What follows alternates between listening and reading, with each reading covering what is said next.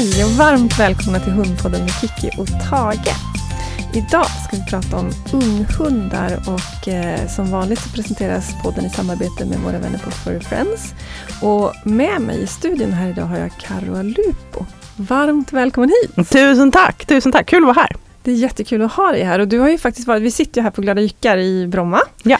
Och du har ju varit här idag och haft privatlektioner. Ja men precis, jag jobbar ju främst med hundar som har problematiska beteenden eh, som etolog och hundpsykolog. Så därför har jag nöjet att få vara här hos er eh, lite titt som tätt Ja. och ta emot klienter. Så imorgon har en hel fullspäckad dag Ja, med precis. mottagning. Mm. Exakt. Härligt, det är bra för alla Stockholmshundar med lite utmaningar. Ja. Ja, och vad har du själv för hundar i familjen? Just nu delar jag ju livet med Krutor, Sune och Atlas. Och Sune är en svenskvit älghund. Eh, Krutor är en tibetan spaniel och Atlas är nytillskottet, en sex månader gammal jämthund. Sex månader gammal. Mm. Så dagens tema då, unghundar. Eh, stämmer det in på Atlas? Är han ung hund skulle du säga, eller är han valp fortfarande? Ja, men han pendlar ju lite mellan de här två livsskedena tycker jag. Han är ju så flamsig och valpig och, och, och så. Men sen börjar han ju lyfta på benet och står och vinglar lite och testar det och man märker att jaktinstinkten har ju tagit vid. Mm. Så att han är på väg in i, i, i unghundslivet, så det är spännande. Ja. Och det, det där tycker jag är lite intressant, för jag får ofta den frågan, så här, men när, när går de från valp till unghund och när blir de vuxna? Och vad, vad skulle du säga är liksom ett bra svar på det? Det är ju, klu- det är ju Det beror klurigt. på, Ja, det beror på. många, ska vi räkna hur många gånger vi kommer säga det, beror på? Nej, men generellt kan man väl säga som så att stora hundar, alltså raser som ska bli stora som vuxna, att de utvecklas ju långsammare, både mentalt och fysiskt. Mm. Medan små hundraser, som Jack Russell exempelvis, kommer ju utvecklas mycket snabbare fysiskt och, och eh, mentalt, vilket gör att de går in i ungdomsskedet mycket tidigare. Mm. Eh, men sen är min erfarenhet att det är väldigt individuellt, liksom att vissa hundar mognar mycket snabbare eh, än andra. Vissa är flamsiga eh, och, och, och kommer in i könsmognaden mycket senare i livet helt Mm. enkelt. Så det är väl som med människor kan jag tänka mig, att det kan skilja sig lite. Mm. Och när skulle du säga att det tidigast börjar gå in i unghundsperioden? Klurig fråga Kikki, vad skulle du säga? Nej, men jag, jag inbillar mig att Tage var ganska tidig. Ja. För när han var ungefär fyra och en halv månad började jag se Mm. unghundstendenser. Ja. Att han började liksom lyfta på benet och kunna vara väldigt intresserad av tikar Mm. och också mäta sig lite med hannar och sådär. Så jag skulle gissa att det är där någonstans runt fyra och en Mm. halv månad som man kan se tendenser. Sen är det var det ju Mm. samma med honom såklart, att han var också galet valpig Mm. ibland. Liksom, och så att det kommer ju gradvis och Mm. det kommer att gå lite grann upplever jag också. Ja, verkligen. Eh, Och där kan jag tänka mig rent könsmogensmässigt, eller man ska säga, liksom den hormonella utvecklingen, att det kan ju säkert också, man kanske ser olika mycket av det beroende på var man bor. Mm. Bor man med en hu- hund i, i stan och det är mycket dofter av andra Mm. hundar och av löptikar och liknande, då kanske hunden får en orsak att börja reagera på de här dofterna tidigare och vi ser det i större utsträckning än Mm. om man bor kanske lite enskilt på landet och det inte är så mycket hundar runt omkring en. Mm. Så kan det vara. Och eh, jag upplever att det också kan påverka om det finns andra hundar i familjen. Yes. Som Oscar som jag hade som daghund tidigare, som var en engelsk settare, de hade ju en äldre eh, irländsk setter också. Och så länge den irländska setten fanns i livet, då, då var Oscar väldigt mycket mer valpig. Från Mm. att när sen den äldre hunden försvann, då gick han in och, och mognade på sig ganska avsevärt. Ja. ja, det tror jag verkligen kan, kan stämma. Vi brukar ha någon sån här liten gräns också när det gäller eh, valplekis, där vi har social interaktion mellan hundar. Då brukar jag säga att vi vill gärna att de inte ska ha blivit mer än fem och en halv Mm. månad för att vara liksom någorlunda säkra på att, Mm. att de inte har gått in för mycket i unghundsfas. När Ja. de ska interagera Ja, på det de sättet. blir ju större och starkare och får ett stabilare eh, bett och, och Ja. tänderna är, är av annan karaktär också. Så det är ju jätteklokt. Och det kan man ju tänka på som hundägare också att, att vill man låta sin valp leka med andra valpar så är det bra att de är ungefär i samma ålder.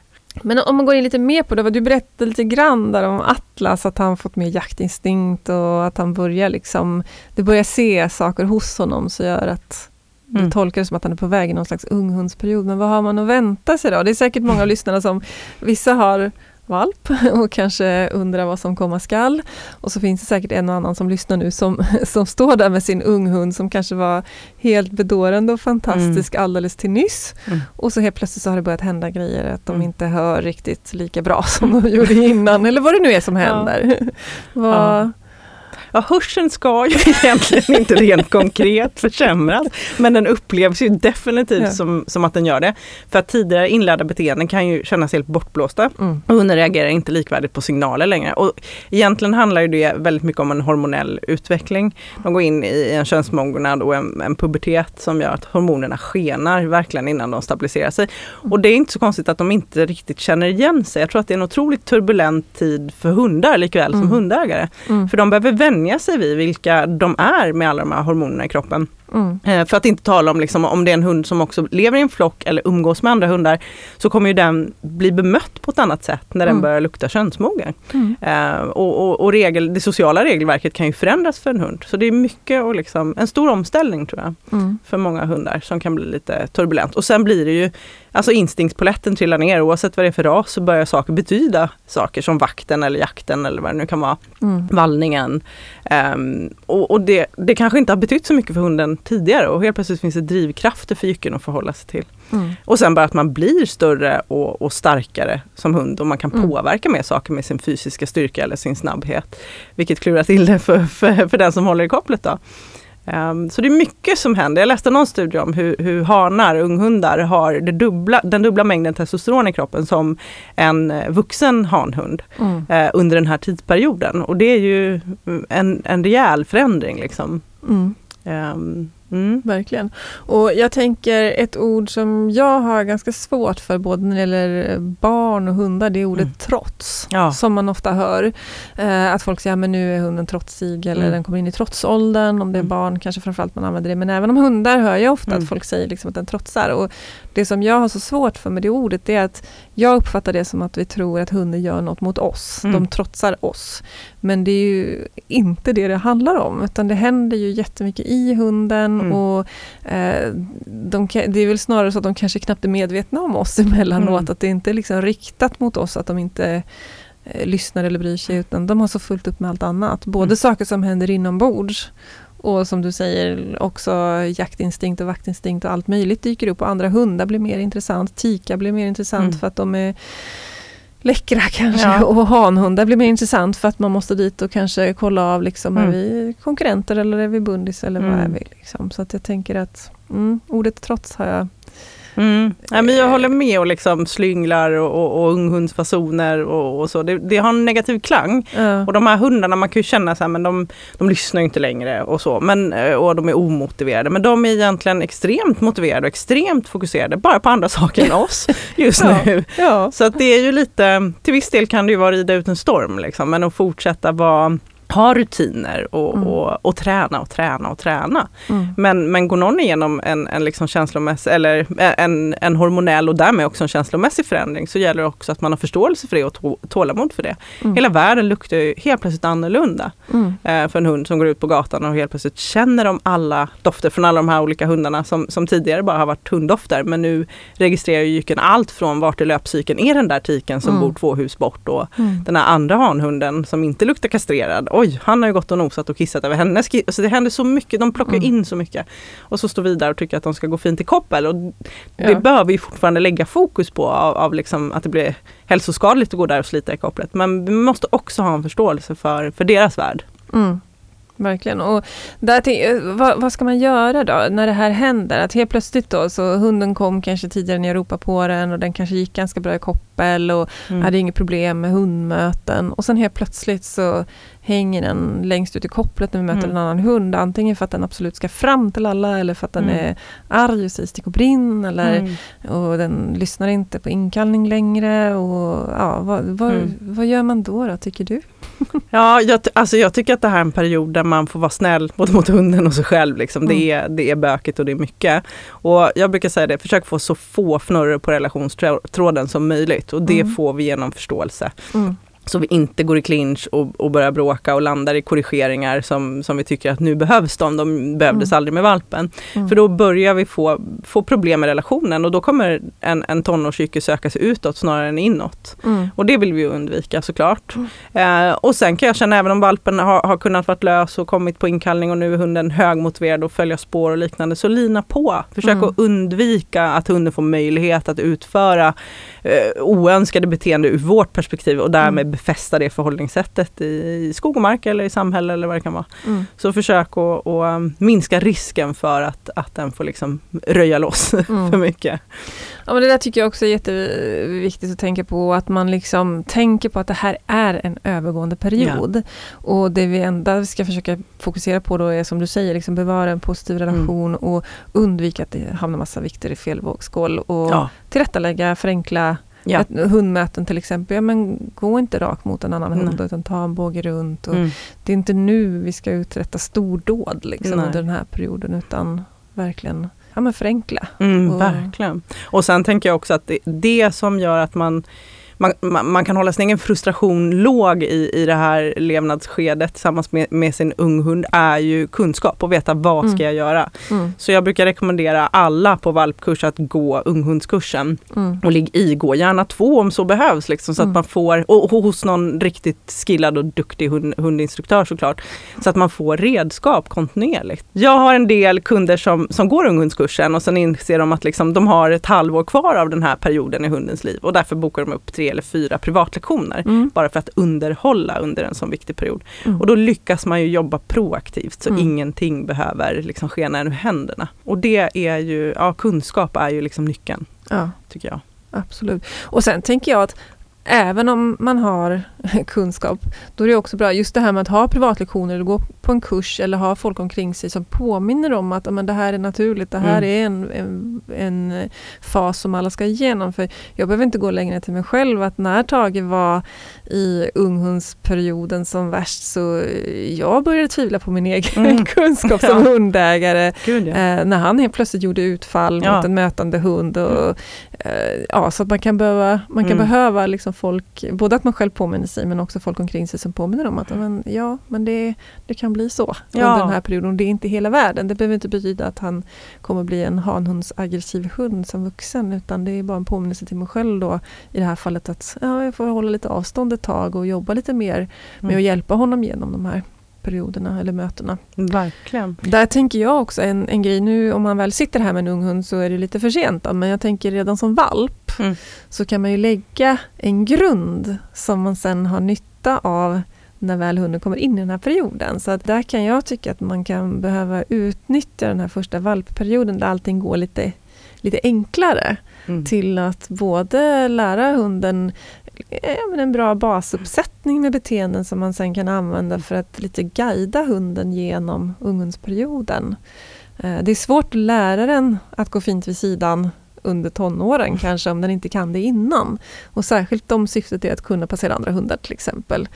Men däremot om vi har nött på i flera månader innan och den har liksom lärt sig att gå vid sidan när jag ber den och så, då kanske jag kan använda det för att gå en lite snitslad bana Mm. genom området för att undvika allt för nära möten och sådär. Att hunden känner sig trygg i och känner igen och att den klarar av att göra det trots att det är lite hormondimma Mm. ett tag där. Ja, så viktigt, verkligen. Och, och sitter, om någon lyssnar nu och sitter där med en valp, så tänk verkligen på det här. Att lägg så mycket av samspelet och rutinerna som möjligt nu. Mm. För, för den där lilla 10 kilos valpen är, är snart kanske 30 kilo. Ja. Och så mycket starkare och större. Ehm, så samspel, det är vik, jätteviktigt att få till det i början. Och sen eh, om, om man nu sitter med en unghund snarare och det börjar ske något alla olika håll. Så så få hjälp att hitta den här måttstocken när det är precis som Kiki säger att äh, men det är bara att ha lite is i magen och förståelse. För det här är ändå oss alla med, med unghundar. Mm. Att de hittar på saker som, som man kanske inte är jättestolt över just där och då. Ehm, men också kunna skilja på det och när när har vi faktiskt ett problem framför oss som hunden Ja. behöver hjälp med. För Ja. om vi inte tar tag i det i god tid eh, så kan det ju utvecklas och bli värre och värre och då blir det Mm. jättesvårt. Så att, Mm. och den där måttstocken är inte så, så lätt eh, att se. När är det bara eh, ja, när kommer det här gå, bara gå över av sig själv och när måste man verkligen ha, ha hjälp? Ja. Och där, där tycker jag också på, viktigt att poängtera att även om jag tänker att mycket av det går, liksom många beteenden går över av sig självt så gör de inte det om man utsätter dem för det Mm. hela tiden. Så att en hund som till exempel då gör utfall mot andra hundar, ja det kanske kan gå över av sig självt om man hjälper dem i hundmöten att eh, liksom hantera dem på ett lugnt sätt. Mm. Men om jag hela tiden går i för tajta hundmöten så att det blir utfall dag ut och dag in, då är jag ganska övertygad om att på de allra flesta hundar så kommer det bli ett eh, beteende som lever kvar även upp i vuxen ålder. Verkligen. Så ja, det är en klok aspekt. Du berättade förut om att uh, du brukar rekommendera en lite visualiseringsövning mm. när man har valp. Just det. Eh, den är ganska enkel egentligen. Det handlar bara om att sitta där med sin valp och sluta ögonen och visualisera den där valpen som vuxen. Hur stor blir den och, och, hur kommer den bete sig när den är full av hormoner och iver och kraft och driv? Liksom? Och hur vill du då att den hunden ska bete sig i olika sammanhang? Um, och sen liksom blicka tillbaka på den här lilla valpen som sitter där framför en och, och, och inse att det är nu vi, vi liksom lägger grunden för goda vanor och, och, och bra rutiner.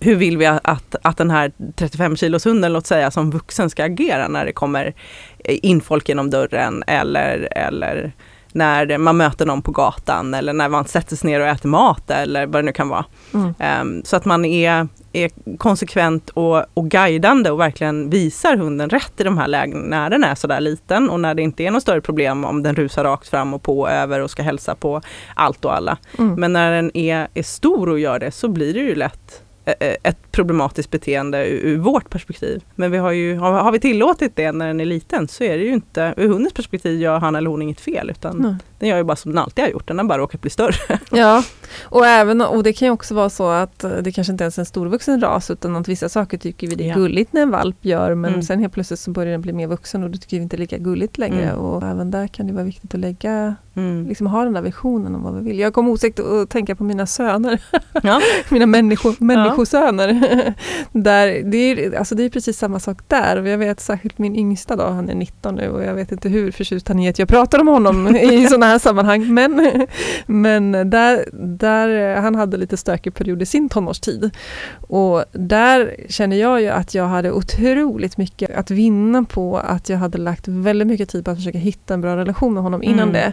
Och tack och lov att jag hade gjort det för då hade jag ändå chans att kunna på mm. något sätt guida honom genom den tonårsperioden som, där han hade lite tuffare hormonellt mm. och att kunna liksom så här, och Jag tror att börja bygga relationen där, yeah. det hade varit helt omöjligt. Yeah. Men i och med att man har lagt en grund innan och som du säger, vissa rutiner som man kanske håller på. Mm. Eh, det finns ju en period i både egentligen valpens liv och i våra barns liv där vi är lite yeah. idoler för dem Exakt. och sen helt plötsligt avtar det där. Jättekonstigt. ja, men då kan man ha byggt någon slags liten grund där man mm. kan upprätthålla de viktigaste grejerna grejerna under den här perioden. Och sen kommer man ut på andra sidan. Nu är han 19 så nu börjar han tycka att mamma mm. är ganska okej okay igen. Mm. Samma sak med Tage som nu äntligen har blivit vuxen här vid mm. fem års ålder. Mm. Även om du frågade när du kom här, hur gammal är han egentligen?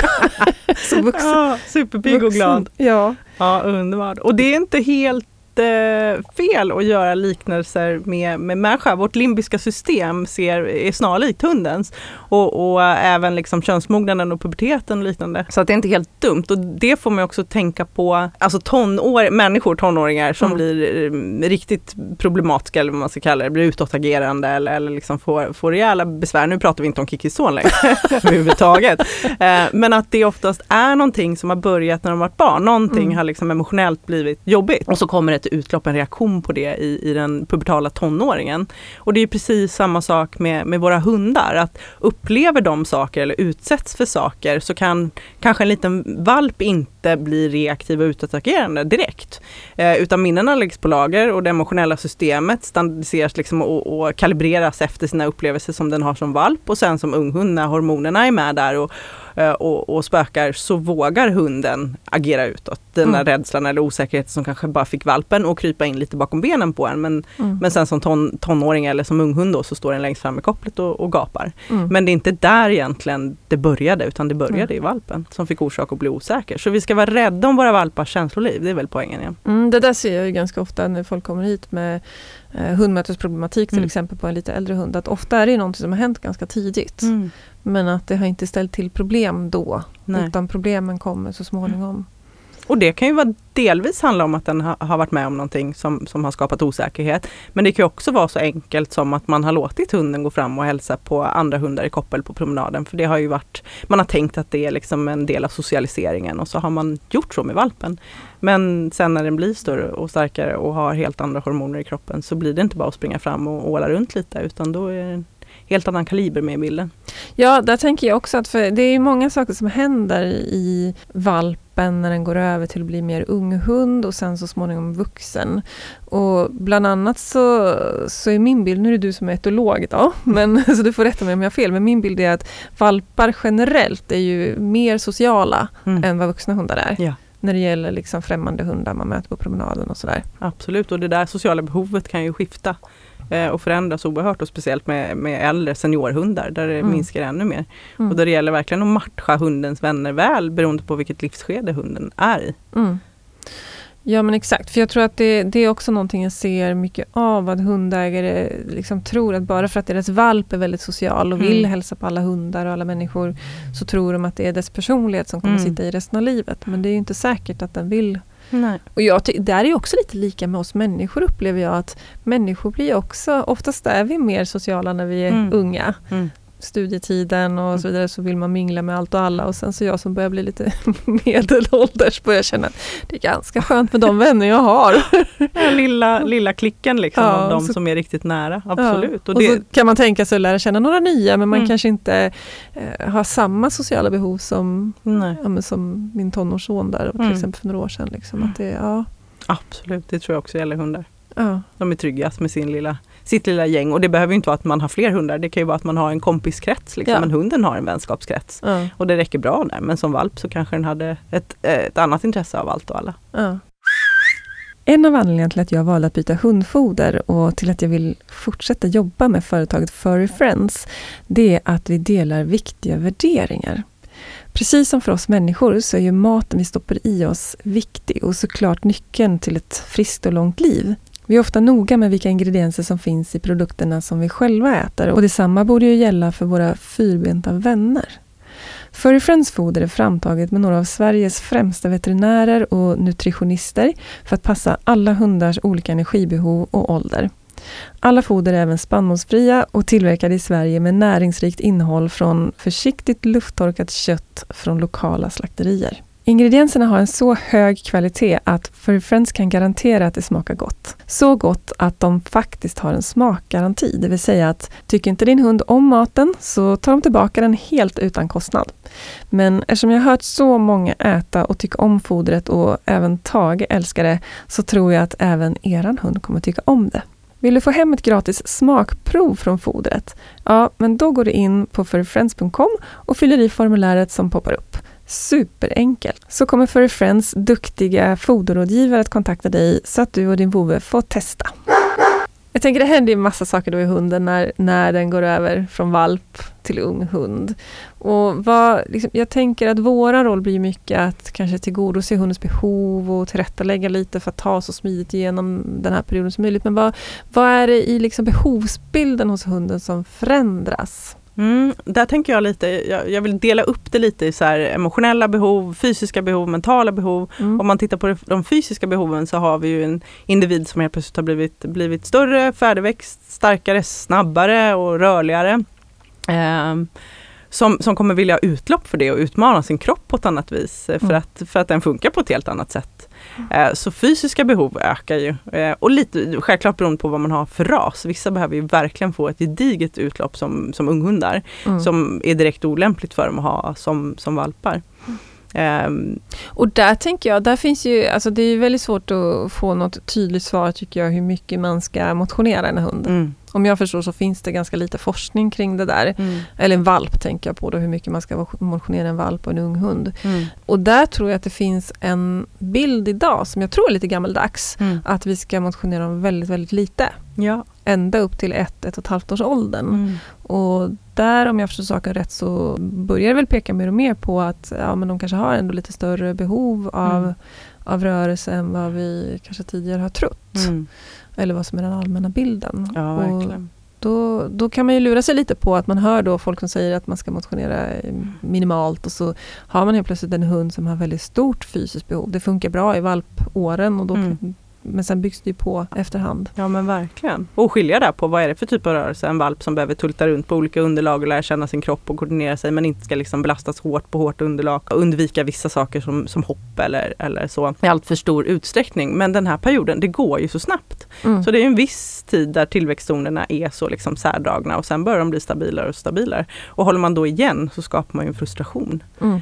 Um, en annan fysisk förändring är ju behovet av vila som mm. valpen har ett stort behov av och där unghunden tycker jag, de flesta unghundar de skenar mellan vara under och överstimulerade och övertrötta eller liksom ja. har tok för mycket energi. Men där man också behöver vänja sig vid att hunden kommer inte sova lika mycket. Den Nej. kommer behöva få ut och, och vara aktiv både mm. fysiskt och sen också då mentalt såklart. Mm. Mm. Ja, för där är också om man tittar mer på den mentala biten då så får de ju större behov av att jobba med huvudet och mm. nosen och allt som den är liksom skapad för att jobba med. Och mm. Där beror det lite också då på vad man har för hundtyp, tänker jag. Ja. Eller ganska mycket på vad man har för hundtyp. Mm. Har man som jag då skaffat sig en beagle, då får man acceptera att då är det både mycket fysisk aktivitet mm. och väldigt mycket nos som behövs. Mm. Uh, för att han ska vara harmonisk. Mm. Ja, de, de har ju greppat liksom i den där åldern när, när, när instinktspoletten börjar trilla ner som unghund att jag är ett rovdjur, jag är, är liksom en hund, ett hunddjur. Och sen Eh, så börjar man ju också förstå vad de är för ras och vad, vad mm. de har för ursprungliga och historiska göromål. Och, och där vi verkligen har avat fram och förstärkt olika typer av instinkter och, och därmed också känslor för olika saker som en vakthund som helt plötsligt inte sitter där bakom längre utan gärna breddar sig och ställer sig fram och, mm. och bröstar upp sig. Mm. Eh, och där det, det är jätteviktigt med både berikning eh, liksom ur ett ekologiskt perspektiv och, och tillgodose eh, hundens beteendebehov som art men, men även då som, som ras, så man inte missar den biten. Och där måste man verkligen veta vad, vad, har, jag, vad har jag köpt för något? Ja. Vad kommer den här jycken behöva göra? Mm. Jag märkte det på min, nu har jag mycket jakthundar och haft mycket brukshundar tidigare. Men på Tibben märkte jag bara att han, han kom inte med som en omplacering men han eh, hans behov av att speja och spana ökade ju under den här mm. tiden. Där han ville sitta högt och titta länge och stanna Just på promenaderna och hitta utkiksposter och, och stå och titta och speja mm. och spana. Um, och hade jag bara skyndat på honom i det så hade det nog blivit en frustration. Mm. för honom. Och med en annan hund som en brukshund så handlar det verkligen om att, att jobba dem och jobba dem hårt. De vill ju knega som attans medan en jakthund verkligen behöver få präglas på rätt vilt och jagas in och mm. få utlopp för den driften som är är mm. mångsidig. Och där tänker jag också att får de inte det, om vi inte förvaltar det där arvet de har och behoven det kommer med, så är ju risken att de i det här levnadsskedet börjar projicera det på, på något annat. Vallhundarna är ju en klassiker mm. som börjar liksom aja och rusa efter skateboardåkare, cyklar eller tvärbanan eller vad det nu kan vara, allt som rör sig snabbt. Eh, eh, och det där finns ju alla, alla rasgrupper. Mm. Så, så det gäller att verkligen förvalta det när de står där och bara Vem är jag? Vad ska jag göra med mm. allt det här? Jag vill, jag vill, de vill ju så mycket. Ja. Och, och gå med dem i det och ge dem Kanalisera det åt något ja. håll som är... För skulle man då ha råkat skaffa sig en jakthund men inte mm. jagar till exempel. Ja, mm. det är klart att det bästa är om hunden kan få jaga om den är mm. skapad för det. Men om man inte kan mm. åstadkomma det, ja, då får man försöka hitta second best och, mm. och kanalisera det på spår eller någonting Verkligen. som liksom ändå kan mm. ge någorlunda utlopp för ungefär samma mm. samma beteende. Ja, och vet man att det, det, här är en kompromiss, liksom, för det kan det ju mm. bli med vallhund också, att man, mm. man köper, köper den en utställningslinje och man tänker man ska hålla på lite med agility och, och utställning och så, så är den högt motiverad att valla. Mm. Om man försöker liksom hitta sätt att ge den substitut för det så kanske den ändå inte riktigt blir helt nöjd och då, mm. då behöver man bara veta med sig att den här hunden får kompromissa. Mm. Och, och, det är inte jyckens fel. Den, att den Då behöver vi ha ännu större förståelse för att Exakt. det kanske blir lite tufft ja. för dem i ungdomsperioden. Ja men verkligen. Ja. Det är ju vår, våra val, det är vi som väljer raser och, ja. eller raskorsningar. Jag tänker du var inne lite grann på det här med att de fysiska behoven förändras. Jag tänker, är det något annat man behöver tänka på med det fysiska? Spontant tänker jag ju på att det finns ju vissa saker, alltså som, som valpägare vet man att att valpen behöver ha den här 12 veckors sprutan och, och, mm. och, si och så. Men, men som unghund behövs det en till vaccination, en booster. Mm. Eh, och, och, när man, på tal om det så är det också läge att börja kolla över de skeletala förutsättningarna, alltså höftledsröntgen, armbågsröntgen och på vissa mm. raser mer än andra kontrollera patella. Mm. En del är eh, benägna att ha problem med LHS1. Eh, och sådana saker, när hunden väl är färdigvuxen de här tillväxtzonerna är, är som de ska, det är ju först då det är läge att, att ta de här röntgenplåtarna. Mm. För att veta vad har min hund för fysiska förutsättningar. För att om man är tidigt på det, skulle man nu ta i trä, ha en hund med dåliga höfter, om man är tidigt på det och kan kontakta en fysioterapeut och liksom bygga upp en stark muskulatur, mycket led nära mikromuskulatur, så, så har ju den eh, hunden förhoppningsvis en bättre chans på ett fullgott liv. Mm.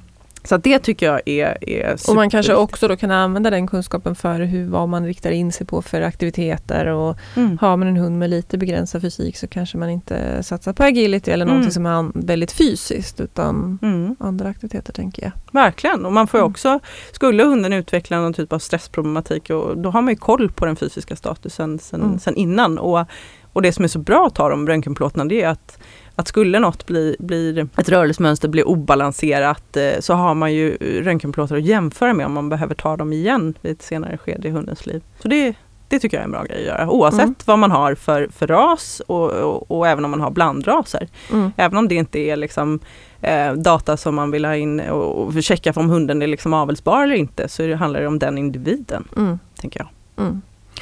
Sen tänker jag på det här med en fråga som ofta kommer upp också under den här eh, tonårsperioden när man kanske tycker att hunden är eh, lite utmanande. Så här, det här med kastrering då? Nu ska inte vi ägna ett helt avsnitt här åt kastrering för att det är egentligen ett eh, kapitel för sig. Ja. Men eh, vad har du för tankar kring det? Kastrering av en ung hund? Mm. Det är ju ett klurigt ämne, absolut. Alltså vissa hundar som, som, som verkligen lider av, av en, en könsdrift och, och de har eh, en uppsjö av olika problematiska beteenden. Eh, där måste man ju faktiskt titta på hundens hälsa och vad, vad utvecklas den till för, för vuxen individ om den får gå runt i det här stresstillståndet. Mm. Um, och vilka beteenden kan befästas om, om de här beteendena är hormonellt betingat och, man ja. inte reglerar ner det. Liksom. Så. Men, men det är det jag tänker också då att det är många som får rekommendationen att kastrera eh, för alla möjliga ja, olika typer exakt. av problem utan att man har en aning om ifall det är kopplat till, till hög testosteron mm. eller inte. Liksom. Och då, då får man ju vara lite försiktig. Väldigt försiktig mm. för att det finns ju alltid en risk om man tänker på att testosteronet har mycket med mod och, och liksom att våga utmana och ta för sig och, och kapar vi det eller reducerar, det finns andra organ i kroppen som, som producerar testosteron, men reducerar vi det med en kastration och hunden egentligen är rädd och osäker och det är därför den bröstar upp sig eller, mm. eller skäller eh, på, på folk eller hundar, så är ju risken att hunden faktiskt blir osäkrare och räddare och då förvärrar mm. vi ett problem. Och är det en operativ kastration så kan vi inte gå tillbaka. Men även om vi provar en kemisk kastration som, som många tänker att men det kan man ju testa och, och det kan man ju kanske göra men vi förändrar ändå eh, det hormonella systemet och mm. det kan ta lång tid tills det där går tillbaka och för vissa hundar går det inte alls tillbaka. Nej, plus att de kan ju få en massa negativa erfarenheter Exakt. under en ganska känslig period i livet också. Verkligen. Jag. Så, ja. Så jag tycker att det är ganska få fall där, där kastration är lösningen, liksom en tidig kastration är, är lösningen. Mm. Um, mm. Mm. Det, är ingen, det, är ingen, standardlösning och det finns risker såklart. Mm. Det delar jag uppfattningen också att det är sällan som... Det är återigen det här med det beror på. Ja. att det är väldigt svårt att ge en generell eh, rekommendation kring kastration. Då ska ja. man verkligen fundera på varför vill man kastrera mm. hunden. Mm. Och så får man avväga från fall till fall och se om riskerna eller mm. fördelarna mm. överväger. Mm. Jag jobbade med ett fall för några månader sedan. Det var en bichon frisé som han rymde titt som tätt från sin tomt. För han mm. skulle bara in till alla andra hundars tomter eh, och, och, och, kolla. Och gärna där tikarna bodde. Han sprang fram och tillbaka. Eh, han, han, gick ju ingenstans förutom till de här tikarna. Uh, men det där gick ju att lösa med ett, med ett säkerhetsstaket. Men det tydde ju ändå på, på någonting. Uh, och sen hade han perioder när det var löptikar i området där han mådde jättedåligt. Han åt mm. inte, han stod bara och ylade och gnällde. Mm. Uh, och de, de klockade ju in liksom vilka tikar löper när och, och fick ändå en, en, ett hum om varför han han betedde sig som han gjorde de här perioderna. Men han bodde på ett ställe där det var mycket löptikar i omlopp hela tiden. Mm. Så um, han utvecklade till slut en magkatarr av stressen. Ja. Ja. Och det är jätteolyckligt. Så där, där, I hans fall så hade det ju varit läge att kastrera ja. honom mycket tidigare. Så när han kom till mig hade han ett jättestort stressproblem som, som eventuellt hade kunnat eh, undvikas om, mm. med en tidig kastration. Men det är ju verkligen inte liksom en standardlösning på något sätt och vis. Och det är mm. alltid lätt att vara efterklok. Tikar då, kastrering av dem? Nu är vi inte inne på ett intressant ämne tycker jag, för det pratas inte så mycket Nej. om det.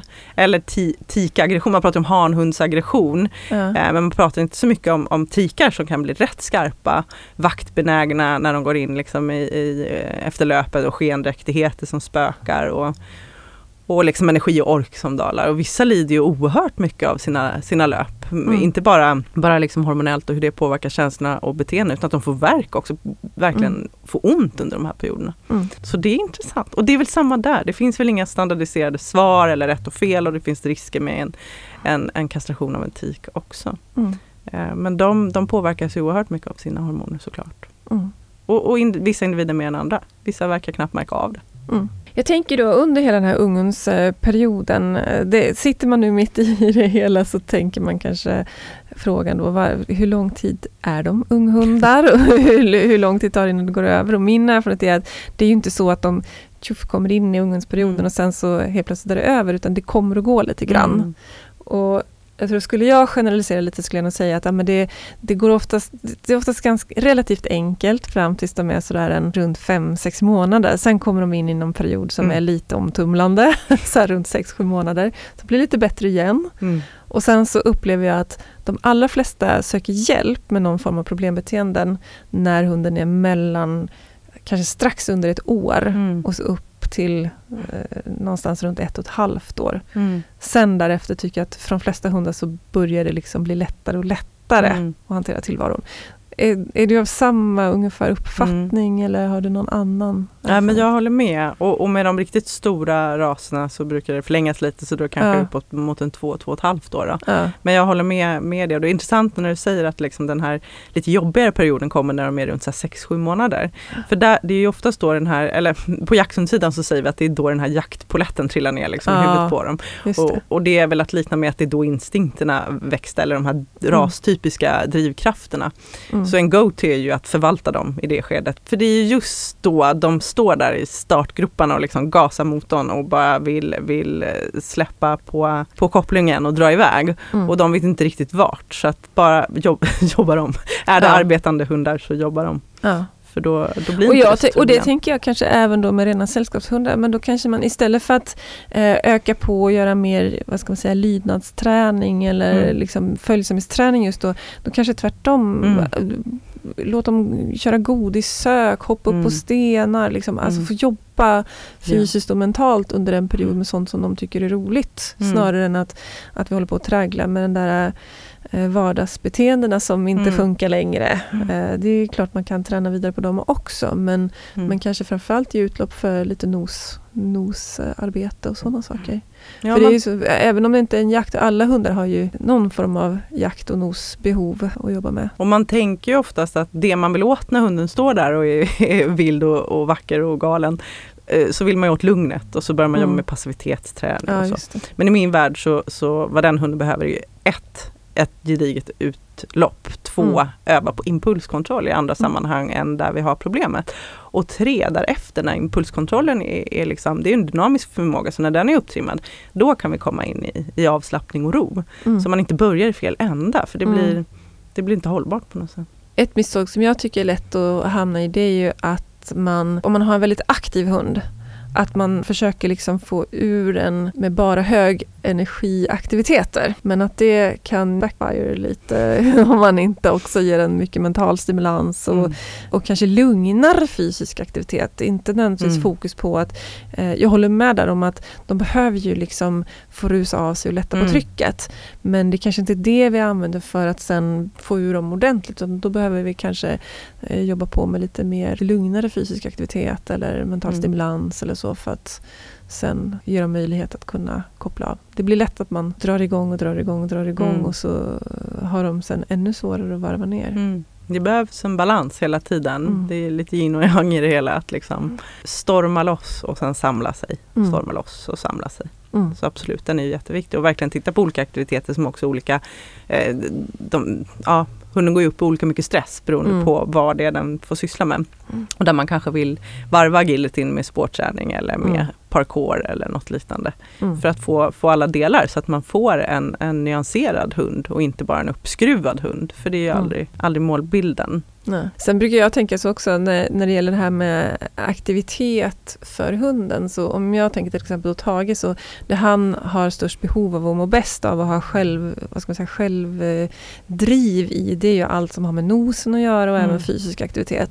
Och då försöker jag ge honom mycket av det för att han ska liksom få, få utlopp för det som han är bra på och vill ha mer av. Mm. Sen har jag valt att också hålla på med rallylydnad till exempel, mm. tricksträning som mer är, det är ju hans svagheter. Mm. Eller så det, en beagle är liksom inte gjord för att eh, samarbeta och mm. eh, intensivt med sin förare, den ska ju jaga självständigt mm. i timmar. Mm. Och då har jag valt att men då jobbar vi med några sådana grejer också, men det är mer för min skull för att mm. jag tycker att det är viktigt att ha den här följsamheten och samarbetet och så har vi fått liksom lägga upp det från grunden. Och där tänker jag att man kan fundera på liksom, vad, vad har min hund lätt för? Det ska ju självklart mm. ge jättemycket av, liksom, för det är ju troligtvis det som den är mm. menad för och det är där den kan få utlopp för sina behov.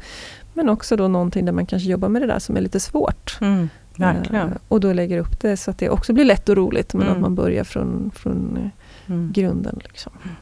Och också tänka på att liksom hundens energikvot, om man tänker på belastning istället kanske för en energikvot. Att hur belastas min hund fysiskt? Vad är en optimal liksom, belastning som inte blir en överbelastning? Eh, mentalt, vad är klurigt och svårt nog och vad, vad liksom tömmer den här, det här intellektuell, eh, intellektet på ett skönt sätt? Mm. Men också den emotionella belastningen. Mm. Eh, och i någon av de här tre, tre staplarna för höga så kommer ju det sabba balansen. Mm. Så har jag en hund exempelvis, nu drar jag bara ett exempel, att en hund som går på hunddagis mm. eh, och den trivs inte riktigt, det är mycket stoj och stök och, och, och den mår inte väl där. Så den blir väldigt emotionellt belastad av att vara där. Mm. Och, och sen så är det en hårt arbetande ras så därför har man en hög liksom, motionsnivå på den hunden. Och sen så gillar man själv att dona med lite mind games och så även liksom mentalt utmanar man den. Då blir den hunden överbelastad. Och mm. stapeln först vi vill dra ner är ju den den emotionella som har fyllt mm. stresshinken mest. Och då får vi ner den, då kanske hunden har ork nog till all den här motionen och mm.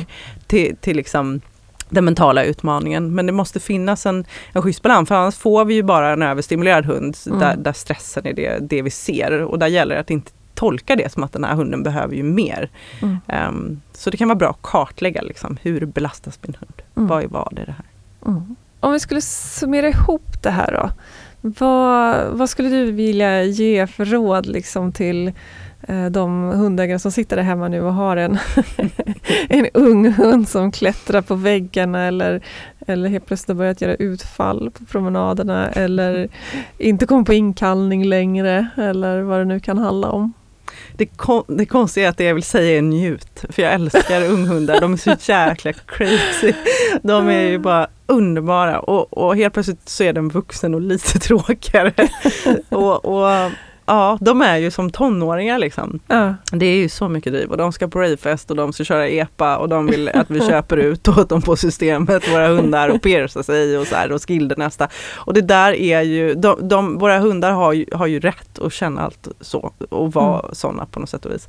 Så, så um, njut också Ja. Var inte bara frustrerad utan le lite åt all, all den här galenskapen för det är något fint och det är något hälsosamt och nyttigt ja. eh, i alla de flesta hund, unghundar som ballar ur totalt. Ja. Um, Mm, så njut. Och även om du då har en ung hund som kanske inte alls vill åka till Roskilde och köra epa utan en som sitter tyst och stilla och, och stickar någonstans och snarare blivit lite blyg och osäker under den här perioden så är ju det också en respons på en emotionell liksom, berg och bana. Så att alla behöver mm. ju inte bli, bli hårdrockare eh, under den här tidsperioden. Mm.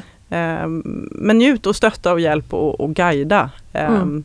Och en vacker dag står där med en vuxen mogen hund som förhoppningsvis kommer ihåg allt du lärde den som valp och allt du tragglade mm. med under ungdomsperioden. Och som troligtvis är lite tråkigare. ja, det låter underbart tycker jag. Och det som jag skulle vilja bara lägga till då det är att ja, men, eh, tycker att det här börjar bli övermäktigt, ha lite is i magen. Ja. Omplacera inte hunden nu liksom, utan försök lägga en plan, ta hjälp. Antingen att du, som vi var inne mm. på tidigare, tar hjälp av en hundpsykolog eller ibland kanske du bara behöver lite avlastning. Mm. För det är klart det kan vara utmanande när det liksom ja. stormar omkring en, även för en förälder eller hundförälder mm. eller matte husse då.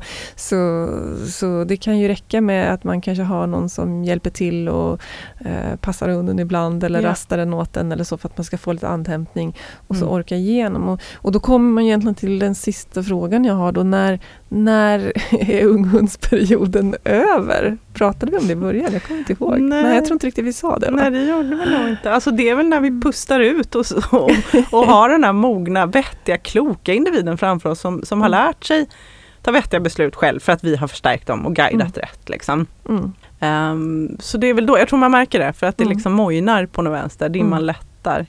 Jag vet, Ehm, jag hade så här för mig att jag, jag hade liksom en treårsplan för Tage och tänkte Ja. att men han är tre.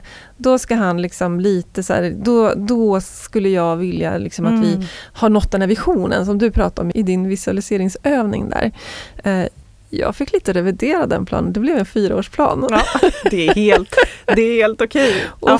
Och fortfarande så är ju, det är ju absolut inte så att han är en exemplarisk hund i bemärkelsen väluppfostrad och välartad i alla lägen. Men han är ju som du säger, han är ju helt underbar. Mm. vi har kommit till en nivå i våran liksom, Mm. relation där vi känner varandra och där liksom, vi har koll på styrkor och svagheter och sådär. Mm.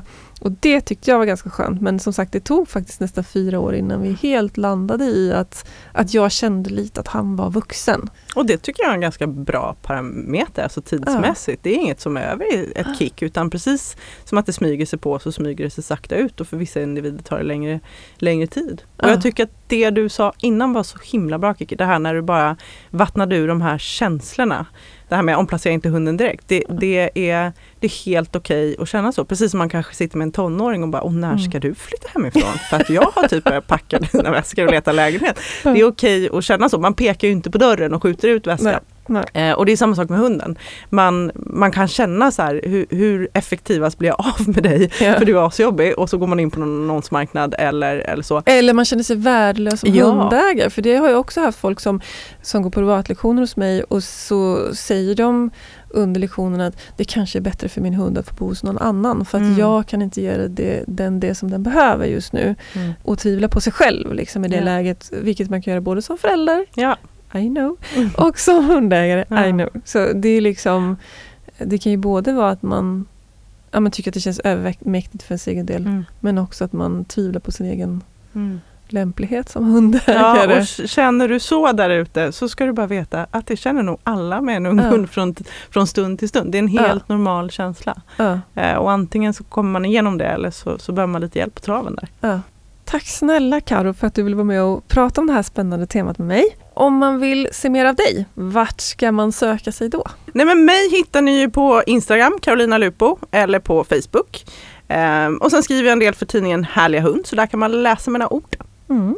Och du skriver jätte, jättefina, härliga, inlevelsefulla eh, berättelser om hundar du träffar i egenskap av hundpsykolog och sådär. Så det, ja, det kan jag varmt rekommendera. Tack snälla.